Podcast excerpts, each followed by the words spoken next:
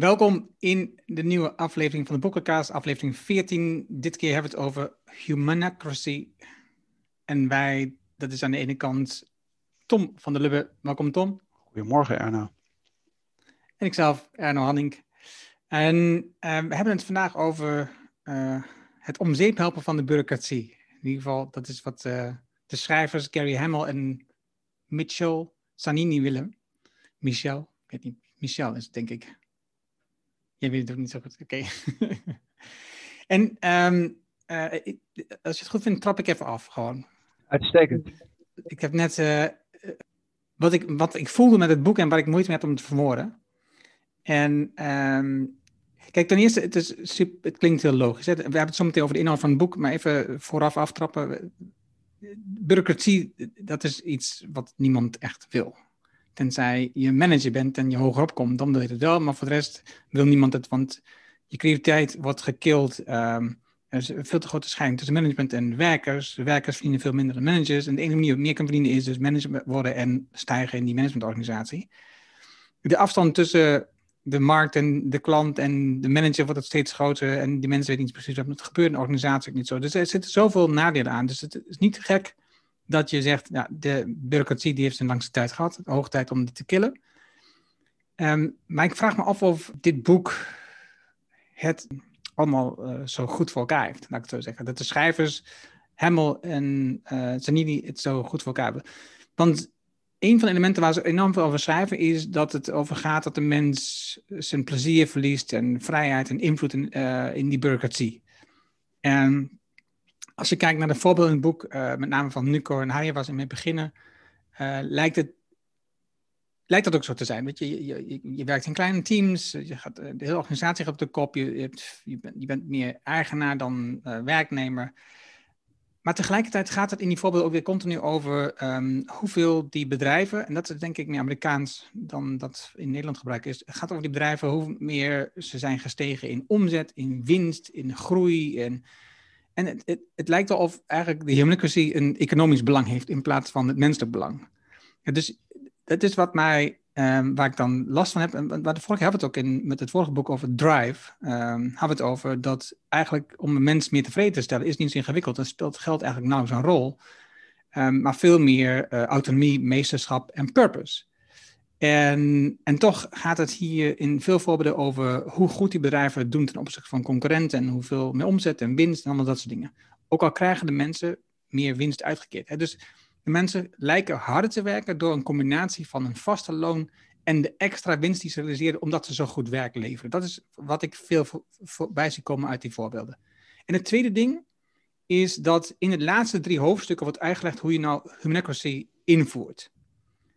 En vooral in de laatste twee, um, het eerste hoofdstuk van dat laatste deel gaat over um, Michelin, hoe ze dat hebben ingevoerd. De laatste twee gaan over hoe je dat dan invoert in jouw bedrijf. En daar gaan ze uit van hacking. Je moet van onderaf, ga je dit organiseren als medewerker. Iedereen kan dit beginnen, wordt zo een beetje gesteld en krijgt een voorbeeld hoe je dat moet doen. Terwijl elk ander voorbeeld in het boek, wat ze noemen, wat succesvol is, is niet vanaf onderuit gestart, is gestart met een ondernemer, een oprichter, een CEO met een bepaalde blik, een bepaalde visie, een bepaalde missie om het anders te doen. Ze willen meer aandacht voor de klant, meer voor de medewerker. Ze willen meer innovatie. Ze willen het bedrijf op de kop zetten. En, en dat hebben ze bereikt. En dat hebben ze goed gedaan. Maar dat is niet vanaf onderaf gebeurd. En ik dacht echt, dat is wel apart. Zelfs bij Michelin, het voorbeeld wat wordt genoemd is hoe voer je het in, is het een manager die wordt aangetrokken die is al in een bedrijf, maar die wordt aangetrokken om die rol te vervullen en dat in te gaan voeren. Het is niet vanaf onderaf. Dat vind ik echt zo'n apart. Dat zijn de twee dingen die mij, um, ik wil niet zeggen tegenstaan, waarvan ik, waarvan ik denk, dat, dat is scheef in het boek. Hoe zie je dat? Ja, ik zou zeggen, wat jij verwoordt is, uh, Ben Tichelaar heeft er een uh, column over geschreven in de NRC. En uh, voor de mensen die het interessant vinden, moeten maar even die uh, kunnen we in de show notes dan meenemen. Zet de link. Ja. Uh, en, en, en eigenlijk is wat jij verwoordt ook een beetje de kritiek van Tichelaar. Um, dus het, het, het, eigenlijk wordt het top-down ingevoerd. De voorbeelden zijn eigenlijk, ik bedoel, hij begint ook met buurtzorg, et cetera. En, het, en, het, en het, het tweede is het denkmodel. Dus mijn voorstel zou zijn om toch weer de structuur uit te leggen van het boek. Misschien ook iets te zeggen over de personen, dat kan ik misschien wel even doen. En dan toch maar weer te framen en te zeggen waarom ik het boek interessant vind. hoewel ik wel begrijp wat jij, welk, welk punt jij wil maken, maar dan kunnen we in principe dadelijk wel op basis van die hoofdstukken het, het, het wat beter uitleggen waar, waar, waar, waar ik zou zeggen de goede punten zitten en waar, waar, waar we vanuit Europees-Nederlands perspectief de vraagtekens achter zetten. Dus bijvoorbeeld dat framen altijd, alles wordt altijd geframed om een hogere output te hebben. Dus het is altijd van links beneden naar rechts boven. Dus als men wil uitleggen dat het belangrijk is menselijker te worden, dan wordt er altijd gekeken of een bedrijf succesvoller is dan een ander bedrijf. Nou, en, en, en ik noem dat altijd uh, dat mensen opgesloten zijn in hun eigen mental box. Dus dat zie je op dit moment bij circulair. Je zult je wereldbeeld over economische groei moeten veranderen. Hè, dat heet dan degrowth. Dus je zult heel anders moeten denken over groei. Of zeggen, is groei überhaupt goed? Om überhaupt naar circulariteit te kunnen. En circulair is, is, is een cirkel en lineair is van links beneden naar rechts boven. En dat is het probleem, en daar uh, ben ik het met je eens. Dat is het probleem wat je in heel veel juist in Amerikaanse boeken hebt. Omdat ze toch blijven gevangen in in in de mental box. En ik, wacht even, voordat je verder gaat. Eén vraag die ik ook wel interessant vind om te kijken, die had ik opgeschreven voor mezelf. Er moet iets goed zijn aan bureaucratie. Dat kan niet anders. Het is ooit bedacht. Het heeft heel veel gebracht. Heb je het gevonden? Nou, dat, dat was mijn vraag aan, je, Oké, nou ik kan het, ik kan het, ik heb dat, want ik, uh, nee, weet je wat ik even doe? Ik ga eerst even, ik heb, ik heb natuurlijk ook meegeschreven, ik ga eerst even iets zeggen over de auteurs. En waarom, het, waarom ik het boek uh, heel, heel interessant vind. En waarom ik het ook mensen aanraden om het over te lezen. Omdat er ook een heel ander perspectief in zit. En dat heeft te maken met, uh, met het feit dat het dus door die beide auteurs is geschreven. En die uh, Michel Zanini, die heeft een, een, een, een andere achtergrond. Dus hij heeft op Harvard Kennedy School of, hoe heet het precies? Um, Kennedy School of Government gezeten. En, en, en, en die, die historische context die hij steeds oppakt in het boek, die is van hem. En wat dat betreft is hij qua denkachtergrond is dat heel vergelijkbaar zoals ik ook heel erg argumenteer. En dan kom ik dadelijk wel naar, naar, naar, naar bureaucratie. Dus hij heeft in principe een, een, een, een, een politiek-institutionele opleiding. Hij heeft ook bij de Rand Corporation, et cetera, gezeten. Dus dat is allemaal politiek. Dat zijn mensen die normaal gesproken voor de overheid werken, voor denktanks werken, in diplomatieke dienst gaan. Uh, alleen waar is hij terecht gekomen? Bij McKinsey. Nou, ik heb wat betreft dezelfde achtergrond. Wilde ook diplomaat worden. Ben ook bij McKinsey beland. Uh, en argumenteer ook heel vaak over, over uh, institutioneel, uh, staatsrechtelijk, filosofie, et cetera. En dan kom ik dadelijk wel naar, naar, naar bureaucratie. Dus waarom is dat boek interessant? Omdat er eindelijk eens iemand een businessboek schrijft die institutioneel, politiek, filosofisch geschoold is. En dat zijn in de meeste gevallen zijn die denkers dat niet. Dus als je Daniel Pink leest of Simon Sinek, dat zijn meestal marketingmensen. Of die hebben bij, bij, bij multinationals gewerkt en hebben daar producten vermarkt et cetera. Of uh, Simon Sinek is ook een heel goed voorbeeld en zijn heel goed in staat om iets te verwoorden. Daniel Pink is ook een briljant voorbeeld, maar die zijn niet filosofisch, historisch, politiek geschoold. En dat maakt, dat maakt dit boek zo interessant. En dan is dat boek zo opgedeeld dat ze eerst uitleggen wat bureaucratie is. En dan pak ik dadelijk de, de handschoen op. Dat je zegt van ja, eigenlijk is het gek, want die bureaucratie moet toch ook een reden hebben gehad waarom dat uit is ingevoerd.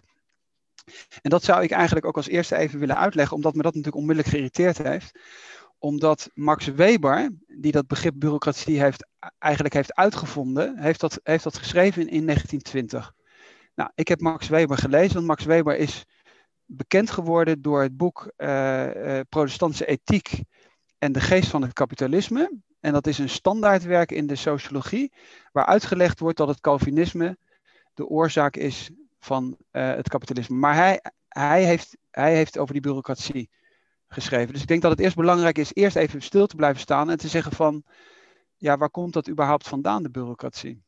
Dus ik denk dat, je, ik denk dat we eerst even moeten uitleggen waar komt die bureaucratie überhaupt vandaan. Omdat in dat hoofdstuk waar het over bureaucratie gaat, citeert hij Max Weber alleen eigenlijk niet zoals het bedoeld is. Dus de bureaucratie in de jaren twintig is eigenlijk een reactie op uh, het, het, het, het Wilhelminische aristocratische uh, Duitsland waar uh, uh, de bureaucratie eigenlijk een oplossing is. En ik heb het even bijgezocht. Ik denk van nou, hoe kan ik dat nou heel makkelijk uitleggen? Bij de bureaucratie gaat het om de scheiding tussen ambt en persoon. Het gaat om regelgebonden, dus juist om niet om willekeur. Het gaat om neutraliteit in de zin van onafhankelijk bestuur. Het gaat erom dat dingen schriftelijk zijn. En het gaat om specialisatie van het ambtelijk apparaat. Allemaal hele positieve dingen. Dus de bureaucratie is eigenlijk een reactie op aristocratische, willekeurige vriendjespolitiek. Waarbinnen een aristocratisch bestel mensen baantjes krijgen. Wat dat betreft heel interessant, want dat is in principe wat binnen de discussie bij Trump ook een grote rol speelt. Dat zijn schoonzoon minister van Buitenlandse Zaken wordt. Dus als je zegt van ja, Max Weber wordt daar geciteerd, zou ik zeggen hij wordt verkeerd geciteerd. Je moet eerst uitleggen waarom de bureaucratie eigenlijk ontstaan is en dat het voor die fase een reactie was op de aristocratische, op het aristocratisch statelijk apparaat. En 1920 is niet door toeval twee jaar na de Eerste Wereldoorlog. En de Eerste Wereldoorlog is een reactie uh, geweest dat, dat, dat Duitsland in principe ook wilde meedoen in de vaart der volkeren. Uh, uh, ja, en keizer Wilhelm, daar, hè, die in Doorn toen nog mocht, van zijn pensioen mocht genieten, eigenlijk, eigenlijk de boel naar de Filistijnen heeft geholpen. En in die, context, in die context zou je in eerste instantie Max Weber moeten plaatsen. Het tweede is dat, dat bij bureaucratie je eigenlijk moet scheiden tussen de staat en het bedrijfsleven. En tegenwoordig wordt in beide richtingen alles door elkaar heen gegooid. Voor, voor een staat gelden andere regels dan voor het bedrijfsleven. Dus voor, voor, voor een staat gaat is willekeur. Of bijvoorbeeld het schriftelijk en transparant bijvoorbeeld documenteren. In de zin van dat je met gemeenschapsgeld omgaat.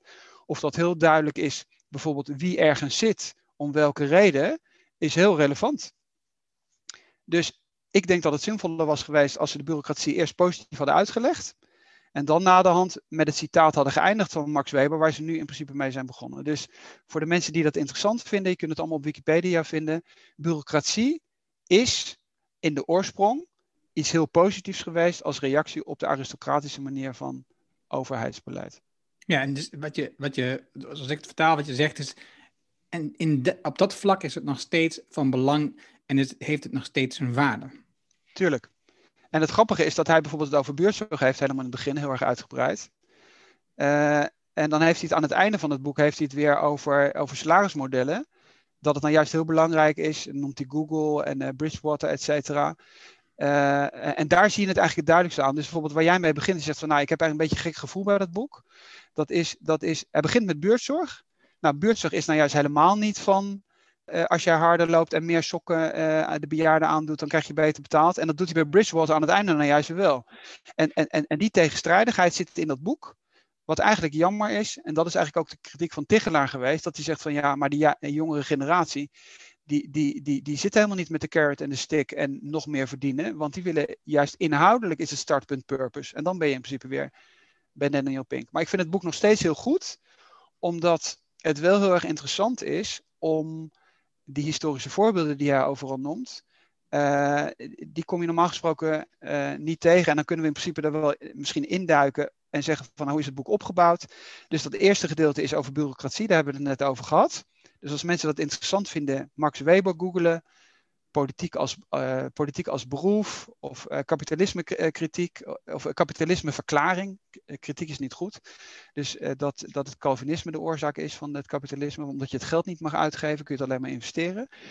Dan is het tweede hoofdstuk of tweede gedeelte gaat over die twee voorbeelden van Nucor en Haier.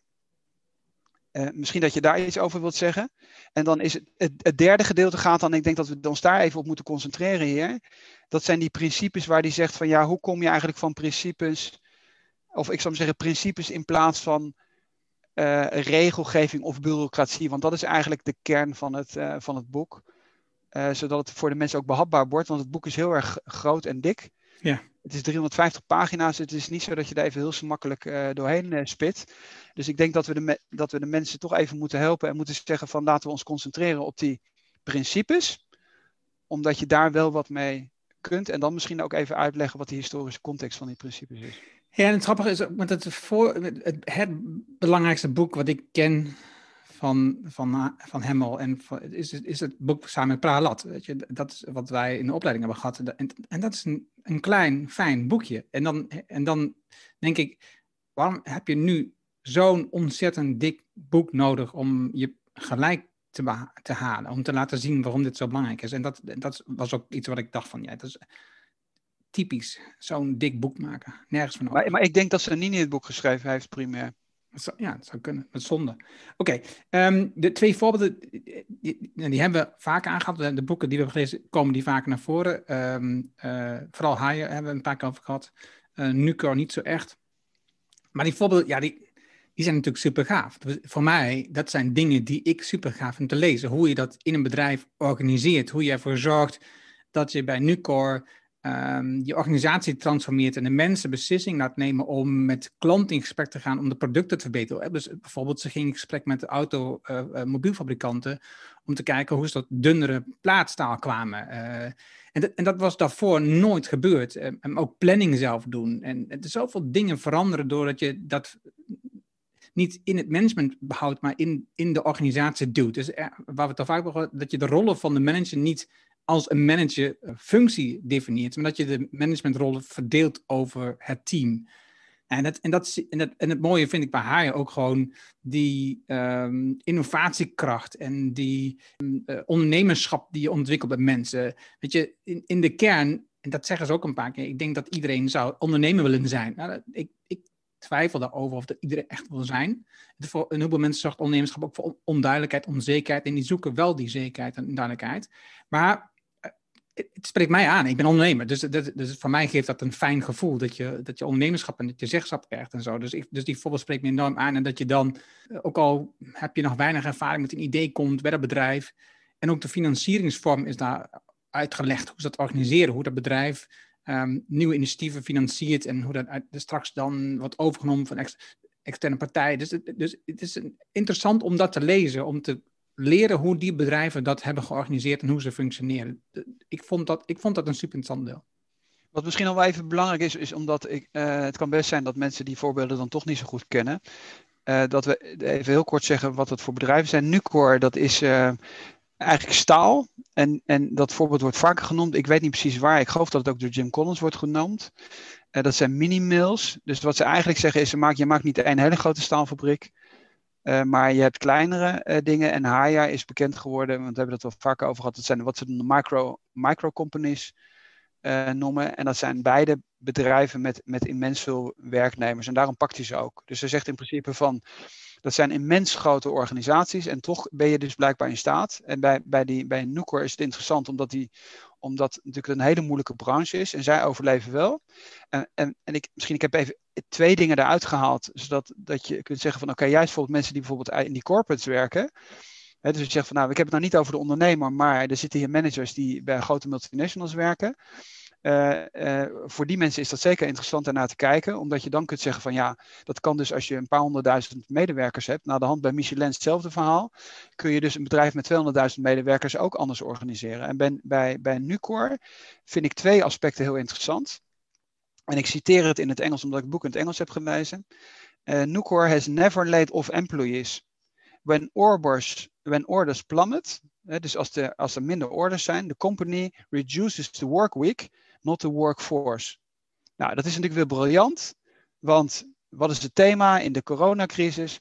Neem nou juist niet afscheid van je mensen en probeer zo lang mogelijk iedereen aan boord te hebben, want het onderzoek zegt dat je op de lange termijn succesvoller bent. Nou, vandaag, waar we de podcast zitten op te nemen, ik heb een opinieartikel geschreven net in, in uh, uh, Trouw. Uh, dat gaat over Heineken, die de mensen daaruit zitten. Dat moet je nou juist niet doen. Dus als je op lange termijn succesvol wil zijn, probeer je mensen zo lang mogelijk aan boord te houden. Waarom is dat zo belangrijk? En dat wordt in, dit, in deze case fantastisch uitgelegd. Daar staat in, en dat heb ik even toch even in het Nederlands vertaald. Niemand hoeft de bank te zijn bij Nucor dat een stijgende efficiency ertoe zou leiden dat je je baan zou verliezen. En daarom is dat zo relevant. Dus als jij mensen ontslaat en na de hand wilt zeggen van jongens, we moeten dat efficiënter doen, dan zijn mensen bang en ze gaan zich niet zelf wegrationaliseren, want die mensen zijn niet gek. Nou, en dat wordt in deze case fantastisch uitgelegd. Dus oproep aan alle mensen die in een hele grote corpus werken.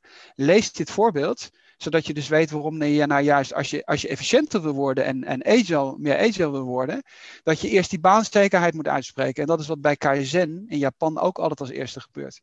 Want anders komen de mensen niet met, met, met voorstellen. En in dat voorbeeld wordt dan gezegd dat Nucor het meest efficiënte, het meest geautomatiseerde bedrijf is het meest succesvolle ook is, omdat die mensen daar niet bang hoeven te zijn dat de automatisering ertoe leidt dat ze hun baan verliezen. Dus daarom is dat een fantastisch voorbeeld. En bij Haya heeft het een andere context. Dat zit heel erg aan die kant van entrepreneurship. En dat heeft er meer mee te maken dat die context van China zo is.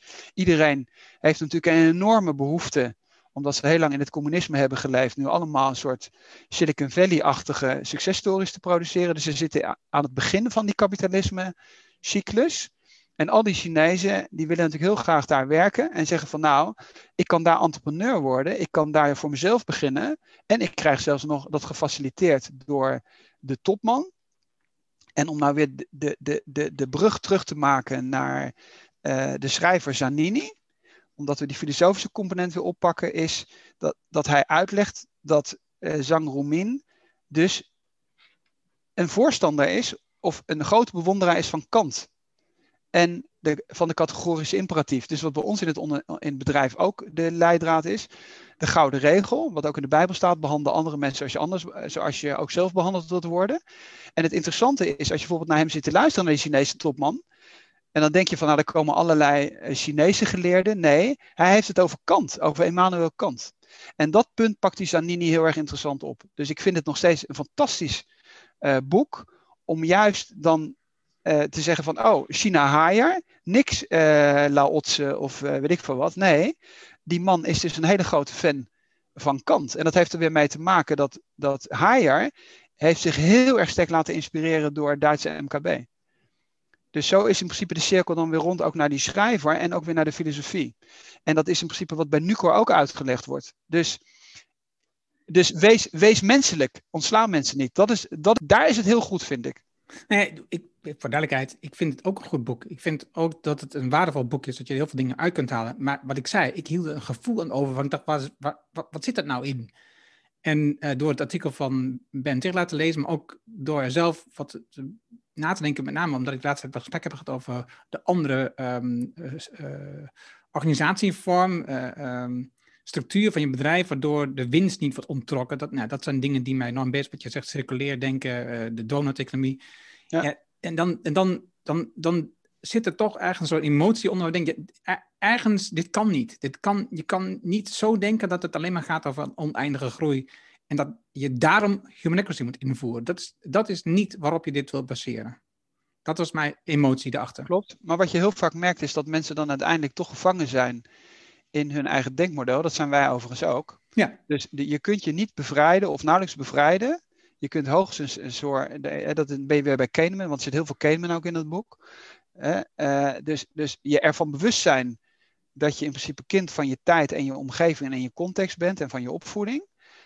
Dat is heel erg relevant. En dat is iets waarvan, waarvan je hier, wat we net al zeiden, met die betaling of ook met die groei, dat model van carrot en stick. En, en, en dat een betere beloning tot een betere prestatie leidt, dat vind ik, vind ik ook heel gek. Dat ze daar niet zelf een vraagteken achter zetten. Juist omdat ze voor de rest wel weer Daniel Pink um, uh, citeren. Dus uh, het zou interessant zijn met Sanini in gesprek te gaan en te zeggen: Het is interessant dat jij, dat jij Daniel Pink aanhaalt en in principe met, met, met Drive komt, wat uitgebreid behandeld wordt. Uh, en, en, dan maar tegelijkertijd dat wat hij vertelt over motivatie en, en, en, en, en salarissen, dat je, dat je daar een grote boog omheen maakt. Ja, precies. Dus, maar, maar, maar misschien moet jij uh, nu de diepte in met die, met die, met die principes, omdat die, ik weet niet, het zijn er geloof ik zeven, uh, vind ik ook, ook voor de lezer wel, uh, wel heel erg spannend. Er zijn er zeven, dat klopt. En ik wil niet met allemaal de diepte ingaan, maar ehm, de zeven principes die ze noemden is, zijn allemaal uitgediept, uitgediept in zeven hoofdstukken. En elk hoofdstuk heeft dan ook een voorbeeld van een bedrijf die dat dan die manier organiseert. Het eerste is uh, eigenaarschap. eigenaarschap. Uh, dit gaat over autonomie en ook wat zij noemen het financiële voordeel wat je dan kunt behalen als je dat uh, invoert in je bedrijf. En dan, ja, als je echt ondernemer bent, wat doe je dan als het niet goed gaat met je bedrijf? Hè? Um, het tweede principe is meritocratie. Dus het ontwikkelen van vaardigheden bij mensen. Dat ze dingen zelf kunnen organiseren. Het derde is markten. Is, en ga, ik, ga ik er nu heel kort doorheen, hè? Dat is misschien iets te kort. Nou, we kunnen, we kunnen, we kunnen anders daar gewoon, we, laten we ze even allemaal opnoemen. En dan, en dan kunnen we gewoon zeggen van, hé, hey, wat is interessant of wat staat in andere boeken niet? Ja, oké. Okay. Markten is dus nummer drie. Nummer vier is community. En, dan gaat het meer over ehm, familie en ook psychologische veiligheid. Daar hebben we het ook over gehad in het vorige boek. Um, de vijfde is openheid, transparantie, hebben we het ook vaak over. En de zesde is experimenteren, uh, hacken, noemen ze dat dan heel vaak in het boek.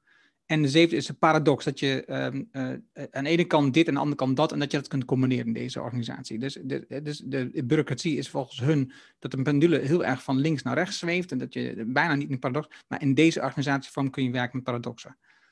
Ik heb zelf vooral iets met het stukje over community, vond ik, vond ik zelf heel interessant, waar, waar ik echt iets mee had. En, en want ik wil dus niet alle zeven behandelen. Dat, dat vind ik, dan, dan gaat het te ver. Wat, wat, zou jij, welke elementen zou jij willen behandelen? Nou, wat ik interessant vind is uh, meritocratie. En, en wat ik ook heel erg interessant vind is paradox. Om, en dat is in principe wat ik in het begin zei, omdat je daar dus heel duidelijk aan kunt zien dat iemand institutioneel uh, geschoold is, die Zanini. Hè, wat ik zei met, uh, met Harvard Kennedy School of Governance. Dus ik vind die elementen wel interessant, omdat die, omdat, omdat die normaal die normaal gesproken er niet in zitten. Oké, nou bij meritocratie is in principe dat oude idee eigenlijk uit de verlichting. Uh, dus eigenlijk dat naar kennis en kunde mensen naar boven komen, in tegenstelling tot de aristocratie. Dus wat we net ook hadden bij de, bij de bureaucratie, dat dat ook een reactie was. Hè? Dus niet van, uh, jij, zit, jij, jij zit in het hof van Lodewijk XIV en daarom krijg jij een baantje omdat jij ook tot de adel behoort. Nee, dat is naar kennis en kunde, dat is ration, rationalisme, uh, de verlichting, Franse revolutie, et cetera. En die meritocratie is bijvoorbeeld iets wat ook in organisaties als McKinsey, hij heeft heel veel over McKinsey. Elke derde bladzijde komt McKinsey en Boston Consulting Group en zo komt terug. En, en, en waarom is dat zo? Omdat die organisaties uh, uh, heel erg sterk streven op kennis en kunde. Dus als jij, als jij natuurkunde hebt gestudeerd en je hebt tennissokken aan, dan stoort dat McKinsey niet. Maar bij de ABN AMRO zeggen ze van ja, maar ben jij lid geweest van het koor? Dan, ja. En als je dan tennissokken aan hebt, dan, dan, dan kom je niet binnen. Dus hij is een enorme grote fan van die meritocratie. En ik vermoed dat het ermee te maken heeft dat hij waarschijnlijk gewoon een hele intelligente jongen is die daar is binnengekomen. En een enorme, enorme waardering heeft voor intelligentie, dat je, dat je zelf door je kennis en kunde het, het, het, ja, het kunt maken, zou ik maar zeggen. Dat wat je natuurlijk bij het aura van de ondernemer op dit moment ook hebt. Hè? Mensen die het zelf hebben gedaan en niet omdat papa ze ergens heeft neergezet. Uh, dus dat, ik, dat vind ik interessant. En daar is die, daar is die koppeling met, uh, met Montesquieu, noemt hij. Uh, en de verlichting noemt hij. Dus dat is wel is zeer interessant. En dat is iets wat wij ook vaker hebben genoemd, bijvoorbeeld bij advocatenkantoren, waar dan na de hand gelaagd bijvoorbeeld de partners worden gekozen. Dus dat legt hij dan bijvoorbeeld ook uit. Dat elke keer weer de volgende laag uh, uh, in principe weer wordt, wordt gekozen. En er is ook bijvoorbeeld een goed artikel over van, van Joost Minnaar van de, van de Corporate Rebels over die visa-organisatie. maar ook, hij noemt hier dat, ook dat Atlas. Uh, project van CERN, van die deeltjesversneller in, uh, in, in Genève. Dus waar je eigenlijk heel veel, een hele, een hele grote groep intelligente mensen hebt, die, die dan weer samen, weer uh, uit hun midden, dan weer de mensen uitkiezen die dan met een soort rolerend principe, dat, dat, noemt, dat komt ook een aantal keren terug, ook weer uit de oudheid, hè, primus inter pares. Dat is in principe wat hij eigenlijk vanuit de institutionele leer hier naar binnen brengt. En dat vind ik zeer interessant. En het, om meteen even af te ronden, dat doet hij bij die paradox ook. Ja, wacht even. Voor naar paradox gaan. Want dan ga ik even community, want dat is namelijk nummer 4, paradox is nummer 7. De community, daar zie je met name dus, uh, daar gaat het onder andere over de vliegtuigmaatschappij, uh, dan ben ik hun naam natuurlijk kwijt. Weet je nog hoe ze heet? Southwest Airlines? Southwest Airlines wordt daar enorm um, uitgelegd over uh, en daar overigens zie je ook weer dat de sterke leider die kiest ervoor dat we zo gaan werken, dat de, de klant centraal zijn en dat we in staat zijn om een hele uh, lichte vliegtuigmaatschappij te bouwen. En als een van de weinigen continu winst maakt en ook welke vlucht dan ook. En, en wat daarin, daar noemt hij zeven elementen in die um, naar voren komen. Dus je, wilt, je wilt een missie hebben waar je aan bij wilt dragen als, als community. En eigenlijk eigenlijk zie ik het meer als familie, maar hij noemt het altijd community. Ik, voor mij is het een, een, team of community. Dat is een beetje, dat ligt zo dicht in de buurt bij elkaar. Um, maar wat ze dus doen, is ook en dat zie je ook terug open communicatie. Je, hebt, je geeft transparantie in de data aan alle mensen in je community, zodat ze zelf ook beslissingen kunnen nemen over de elementen. En dat zie je bij, bij um, Southwest Airlines ook. Hè. Dus dat zij hebben als missie om uiteindelijk gewoon altijd zelf de keuze te maken die logisch is voor de mensen, voor de passagier. Dus, eh, dus als jij, ook al bij een piloot en je ziet iets gebeuren, je helpt die passagier. En dat is gewoon uiteindelijk het doel. iedereen mag dat uiteindelijk, je hebt een paar richtlijnen, uiteindelijk bepaal je zelf wat je gaat doen. Je creëert, je creëert een veilige omgeving om jezelf te zijn. Daar hebben we het over gehad, hè? Dus uh, die, die, die uh, psychologische veiligheid die je wilt creëren. Um, je, je, laat mensen zelf beslissingen nemen. Nee, daar heb je dan die data voor nodig die je net hebt genoemd accountability naar collega's, dat zie je ook in meerdere voorbeelden terugkomen. Dat niet je accountable maar naar je manager, maar naar je collega's. Want naar manager dan krijg je meer dat, hè, dat wij uh, de kontlikkers worden van, van iemand en dat we het gaan doen wat de manager van ons verwacht. Nee, we, worden aangesproken door onze collega's op ons gedrag, want we zijn gezamenlijk verantwoordelijk voor de resultaten van ons team, de community. Um, respect naar elkaar, iedereen is gelijk. Um, we hebben niet mensen die minder zijn dan ons, omdat ze witte sokken hebben, omdat ze anders geleerd hebben. Nee, het maakt niet uit wat ze geleerd hebben. In het team ben je allemaal gelijk. En, en dat zie je dus bij de Southwest Airlines ook terug. Hè? Dus als er uh, uh, nog wat snel moet worden opgeruimd in de vliegtuig, terwijl de passagiers uh, ingaan en de anderen aan boord moeten komen, of uitgaan en aan boord, dan pakt ook de piloot gewoon even rommel op. En, en, ook als er iemand in, nog bagage, iedereen werkt er gewoon mee om uiteindelijk het doel te bereiken. De passagiers hebben gewoon een fijne vlucht. Dat ervaren van iedereen. En als laatste het familiegevoel. En hij noemt dan, um, en dat noemt hij iets eerder volgens mij, is a mosaic of capabilities and not a pyramid of power. Dat vond ik een mooie die ik had opgeschreven voor mezelf.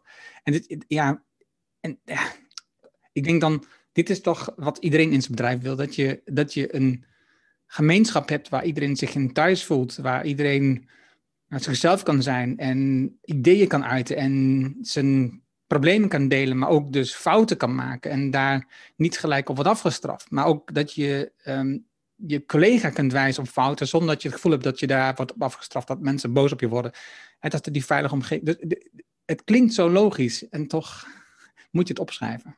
Ja, wat natuurlijk bij Southwest Airlines op dit moment gewoon heel erg interessant is, omdat we natuurlijk midden in die coronacrisis zitten. Uh, ik heb dat overigens op, het kunnen we wel meenemen ook in de show notes. Uh, de luchtvaartindustrie is natuurlijk het hardst uh, geraakt. Alleen de CEO, uh, fantastische video overigens, van zijn toespraak staat online dat daar niemand ontslagen wordt. dat is ongelooflijk. Dus als je dat bijvoorbeeld met KLM vergelijkt, nou, dan krijg je gewoon een plaatsvervangende schaamte als je naar die, naar die video van die topman zit te kijken. En hij heeft zijn eigen salaris bijvoorbeeld op nul gezet. Dus de huidige CEO van Southwest. Dus een hele goede tip denk ik, voor de mensen, bekijken in ieder geval die video. En dat is een beetje weer wat je bij Nucor ook hebt. Daar worden mensen niet ontslagen. Men probeert dat zo lang mogelijk te vermijden.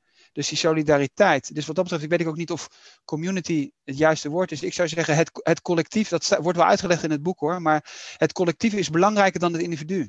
En dan is het weer zo interessant dat juist in die Amerikaanse context als je het dan naar de hand weer over hebt, dan, dan, dan is eigenlijk dan weer een tegenstrijdigheid in. Want dan zegt hij bij, Google en bij anderen, nee, het is heel belangrijk dat je, bij Google zitten er een paar programmeurs. En dat zijn zulke specialisten op het verbeteren van die algoritmes, die verdienen miljoenen. Dat, dat wordt daar letterlijk wordt dat uitgelegd. En dat is eigenlijk weer tegenstrijdig met wat bij Southwest uh, Airlines gebeurt. Maar ik zou zeggen, voor de lezer, we zijn allemaal kritisch, dus uh, doe er zelf mee wat je ermee wil doen. Het is wel interessant dat beide dingen daarin zitten, ook al vind je ze misschien tegenstrijdig. Maar misschien vinden zij als schrijvers het helemaal niet tegenstrijdig. Uh, dus daarom zei ik, misschien is het wel interessant om met hen in gesprek te gaan. Ja, bij Southwest, eh, of als je over beloning praat, is het ook grappig, want de, de medewerkers verdienen gemiddeld meer dan de markt. Hè? Dus, dus die zitten daar 10, 20 procent boven. En de managers verdienen gemiddeld minder dan de markt. Die zitten daar 30 procent onder. Dat vond ik ook een aparte. Ja, en als je bijvoorbeeld nu naar KLM kijkt, Hè? Daar is precies het tegenovergestelde. Dus het is niet zo dat de CEO als eerste zegt, hij wordt gevraagd bij uh, Nieuwsuur, uh, oké, er gaan zoveel mensen uit, er komen kortingen, heeft u over uw eigen salaris ook nagedacht? En dan zegt Elbers van, uh, ja, daar moet ik nog eens over nadenken, maar ik ben nu heel druk bezig die crisis te managen. Nou, de CEO van Southwest Airlines heeft precies omgekeerd gedaan. Die heeft zelf, is zelf naar nul gegaan. Zijn topmanagement levert, uh, ik geloof, 20% in, of nog meer. En, en de mensen op, op, de, op, de, op de vloer, zou ik maar zeggen, het, het, het normale boordpersoneel, die gaan er 10% collectief uh, op achteruit. Precies omgekeerd. Uh, nou, wat gebeurt er bij KLM? Dat weten we allemaal. Piloten zijn niet akkoord met het, met, het, met het steunpakket. En de rest zegt van, beste verwende piloten, hoe kan dat nou? Dus, dus wat dat betreft wel een heel, heel interessant boek ook weer, waar je die combinatie met, met die crisis nu hebt, waar al die voorbeelden die genoemd worden, zoals Southwest Airlines, ja, je kunt dagelijks kun je de kranten openslaan en zeggen van, hé, hey, interessant hoe Southwest daarin staat en hoe KLM en Air France zouden ermee omgaan. Oké, paradox. Nou, paradox heel kort. Wat gewoon heel erg interessant is, is dat die paradox, wat, ik, wat we wel vaker ook zeggen, is dat discussie en verschillende meningen, die leiden ertoe dat in een staat bijvoorbeeld het debat niet verstomt. Uh, en dat is wat in organisaties met sterk leiderschap wel gebeurt. Dus, uh, en dat is in principe is dat die psychological safety. De psychological safety hè, betekent dat je je mond kunt open doen als je het ergens niet mee eens bent. Alleen waar komt dat vandaan? En die link maakt hij wel heel goed. En Amy Edmondson bijvoorbeeld veel minder, vind ik. Uh, hij, hij vergelijkt het met het publieke debat of met het parlement. Dus dat je, je hebt een betere besluitvorming als er een echt debat uh, staatvindt, plaatsvindt. En hij zegt, embrace the conflict. Nou, en dat is nou juist wat natuurlijk in de Tweede Kamer of in een parlement permanent gebeurt. Dus het idee dat een debat juist belangrijk is voor een gezond ecosysteem. Dat is iets wat je bijvoorbeeld in Amerika ziet, wat nu helemaal fout gaat. Waar mensen die binnen families een gedeelte democratisch zijn en andere republikeinen, die praten niet meer met elkaar. Dus je moet nou juist het tegenovergestelde hebben. Je moet altijd zorgen dat je met elkaar in gesprek bent. En daarom is wat dat betreft een staat met gelaagde democratische uh, uh, besluitvorming en waar permanent discussie plaatsvindt tussen burgers, dat is nou juist de reden dat die ecosystemen een grotere kans hebben om te overleven. En die link met, met, met, met, met de publieke maatschappij, die maakt Stanini, vind ik, heel goed. Oké, afrondend. Ik denk dat het een ik vind het een superboek om te lezen. Uh, het is niet een eenvoudig boek om te lezen. Het, is een, het, is vrij dik. Het is niet dat je het zo uit hebt. We hebben onze beperkingen op het boek hebben we ook genoemd. Maar dan nog, er staan gewoon heel veel voorbeelden in situaties uitgelegd die je kunt, uh, waar ideeën van kunt kopiëren in jouw bedrijf. En waar het over, het gaat allemaal over grote organisaties, maar ik denk ook dat het gaat als je een klein bedrijf bent. want je ziet ook in klein bedrijven, als zij groeien, dat ze de neiging hebben om managers op posities te trekken. En, dat, die manager is vaak dan iemand die in dat bedrijf is opgegroeid, die lang al meedraait en die verdient dan volgens de ondernemer een bepaald moment uh, meer en een bepaalde positie. En die wordt dan manager. En daarmee um, ontstaat toch een managementlaag in een klein bedrijf die helemaal niet nodig is. Dus ik denk ook dat je als manager van een klein bedrijf, ondernemer van een klein bedrijf, um, hier ook dingen uit kunt halen over waarom je wilt voorkomen dat je managers gaat aannemen in je bedrijf. Waarom je wilt voorkomen dat je managers gaat, um, of mensen gaat plakken op een positie die manager, titelmanager heeft. Nergens voor nodig. En, en dat zie je in die voorbeeld in boek. Dus ik, ik vind het een super waardevol boek um, met de kant die ik net gemaakt heb. Wat ik overigens nog wel wil aanvullen om, jou, uh, om jouw startpunt van, het, van, de, van de podcast te ondersteunen is, wat ik uh, heel best wel gek vond, is dat het allerlaatste hoofdstuk Scale It, uh, dat hij daar in principe zijn eigen mental box eigenlijk weer verlaat. Want wie noemt hij? Wat je helemaal niet zou verwachten, Greta Thunberg. Dus, dus dat meisje als klimaatactivist. En daar verlaat hij eigenlijk het, het, het, het, het, het uh, ik zou maar zeggen, dat wat daarvoor eigenlijk wordt besproken. En dan zegt hij, it is activists, not bureaucrats, uh, who change the world. Dus daar gaat hij in één keer, overstijgt hij zichzelf. Dus dat is een beetje wat we in die podcast hebben gedaan, level 8 leadership van Kofi. Dus dat het eigenlijk om gaat dat je de wereld moet redden. Nou, en als het ergens, als, dat, als er ergens geen motivator voor die mensen juist is, dan is het geld. Greta Thunberg die zit, die gaat niet naar school toe, gaat in, ik geloof Stockholm op straat zitten en zegt, jongens, jullie zijn de boel uh, naar de Filistijnen aan het helpen. En als zij iets niet interessant vindt, is het financiële vergoeding. Dus, en dan ben je eigenlijk weer bij purpose. Dus het is, het blijft een boek vol tegenstrijdigheden, maar misschien daardoor ook wel weer heel erg interessant om te lezen. Dat was hem. Dankjewel voor het luisteren. Heb je opmerkingen over dit boek aan ons uh, reacties? Laat het hieronder achter. Heb je vragen over het boek of ons wil je verdieping? Laat het ook weten. Heb je een boek waarvan je zegt, nou, dan moet je bespreken? Laat het ons weten in de reacties hierachter. Stuur ons een e-mail op LinkedIn, een berichtje, maakt niet uit. Je vindt ons overal. Graag gedaan. Dankjewel, Tom. Weet je wat we de volgende keer gaan doen? Ja, dat weten we. Daar hebben we van tevoren afgestemd. ja, niet nu, maar van de week al. Everybody Matters van Bob Chapman. Oké, nou dat is wat dat betreft natuurlijk heel. Ik, ik zat even na te denken, wat was het ook alweer? Maar dat is wat dat betreft dan weer heel goed weer, omdat het daarna juist weer heel erg gaat om hè, familie. En uh, dus dat is, past ook wel weer heel goed bij wat we vandaag besproken hebben. Ja. Dankjewel voor het luisteren en graag tot de volgende keer.